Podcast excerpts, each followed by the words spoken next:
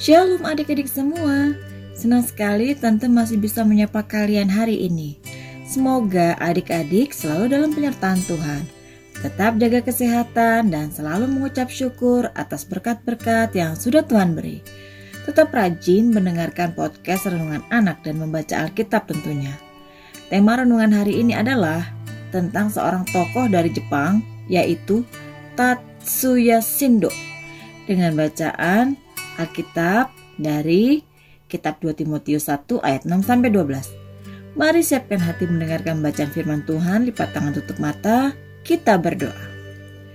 Tuhan, saat ini kami hendak mendengarkan firman-Mu. Berilah pengetahuan, bimbinglah kami agar firman-Mu dapat kami mengerti dan pahami sesuai kehendak-Mu.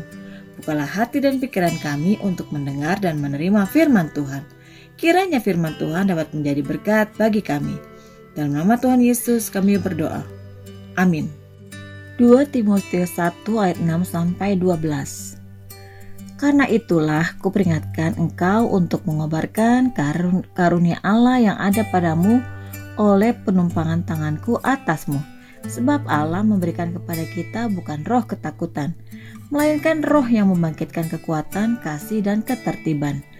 Jadi, janganlah malu bersaksi tentang Tuhan kita, dan janganlah malu karena aku, seorang hukuman karena Dia, melainkan ikutlah menderita bagi Injilnya oleh kekuatan Allah. Dialah yang menyelamatkan kita dan memanggil kita dengan panggilan kudus, bukan berdasarkan perbuatan kita, melainkan berdasarkan maksud dan kasih karunia-Nya sendiri yang telah dikaruniakan kepada kita dalam Kristus Yesus sebelum permulaan zaman dan yang sekarang dinyatakan oleh kedatangan juru selamat kita Yesus Kristus yang oleh Injil telah mematah, mematahkan kuasa maut dan mendatangkan hidup yang tidak dapat binasa. Untuk Injil inilah aku telah ditetapkan sebagai pemberita, sebagai rasul dan sebagai guru. Itulah sebabnya aku menderita semuanya ini. Tetapi aku tidak malu karena aku tahu kepada siapa aku percaya dan aku yakin bahwa dia berkuasa memeliharakan apa yang telah dipercayakannya kepadaku hingga pada hari Tuhan. Demikian firman Tuhan. Adik-adik, nats Alkitab yang kita baca tadi adalah surat Paulus kepada Timotius. Ketika Paulus menuliskan surat ini kepada Timotius, ia telah lama berpisah dengan Timotius. Timotius melayani di Efesus, sedangkan Paulus saat itu sedang berada di Roma, di dalam penjara. Paulus memberikan nasihat kepada Timotius dan kepada jemaat yang dilayani. Paulus mengingatkan kepada Timotius untuk tidak malu bersaksi tentang Tuhan. Penekanannya adalah bersaksi tentang kebaikan Tuhan, tentang karya keselamatannya, tentang keterlibatan Tuhan dalam kehidupan kita. Tuhan memberikan kekuatan yang memampukan setiap orang melewati segala macam keadaan. Dengan demikian, setiap orang tentu memiliki pengalaman akan pekerjaan Tuhan dalam hidupnya. Itulah bekal kesaksian kita. Fokusnya pada kebaikan Tuhan, bukan kehebatan diri kita sendiri. Sebagai pengikut Kristus, kita dapat menjadi saksi di lingkungan masing-masing, apa pun pekerjaan yang kita geluti kesaksian kita akan semakin bermanfaat ketika didukung tindakan yang mencerminkan kebenaran firman Tuhan. Sederhananya, sebagai saksi Kristus, kita perlu menjadi pelaku firman Tuhan, mewujudkan kabar baik yang kita sampaikan.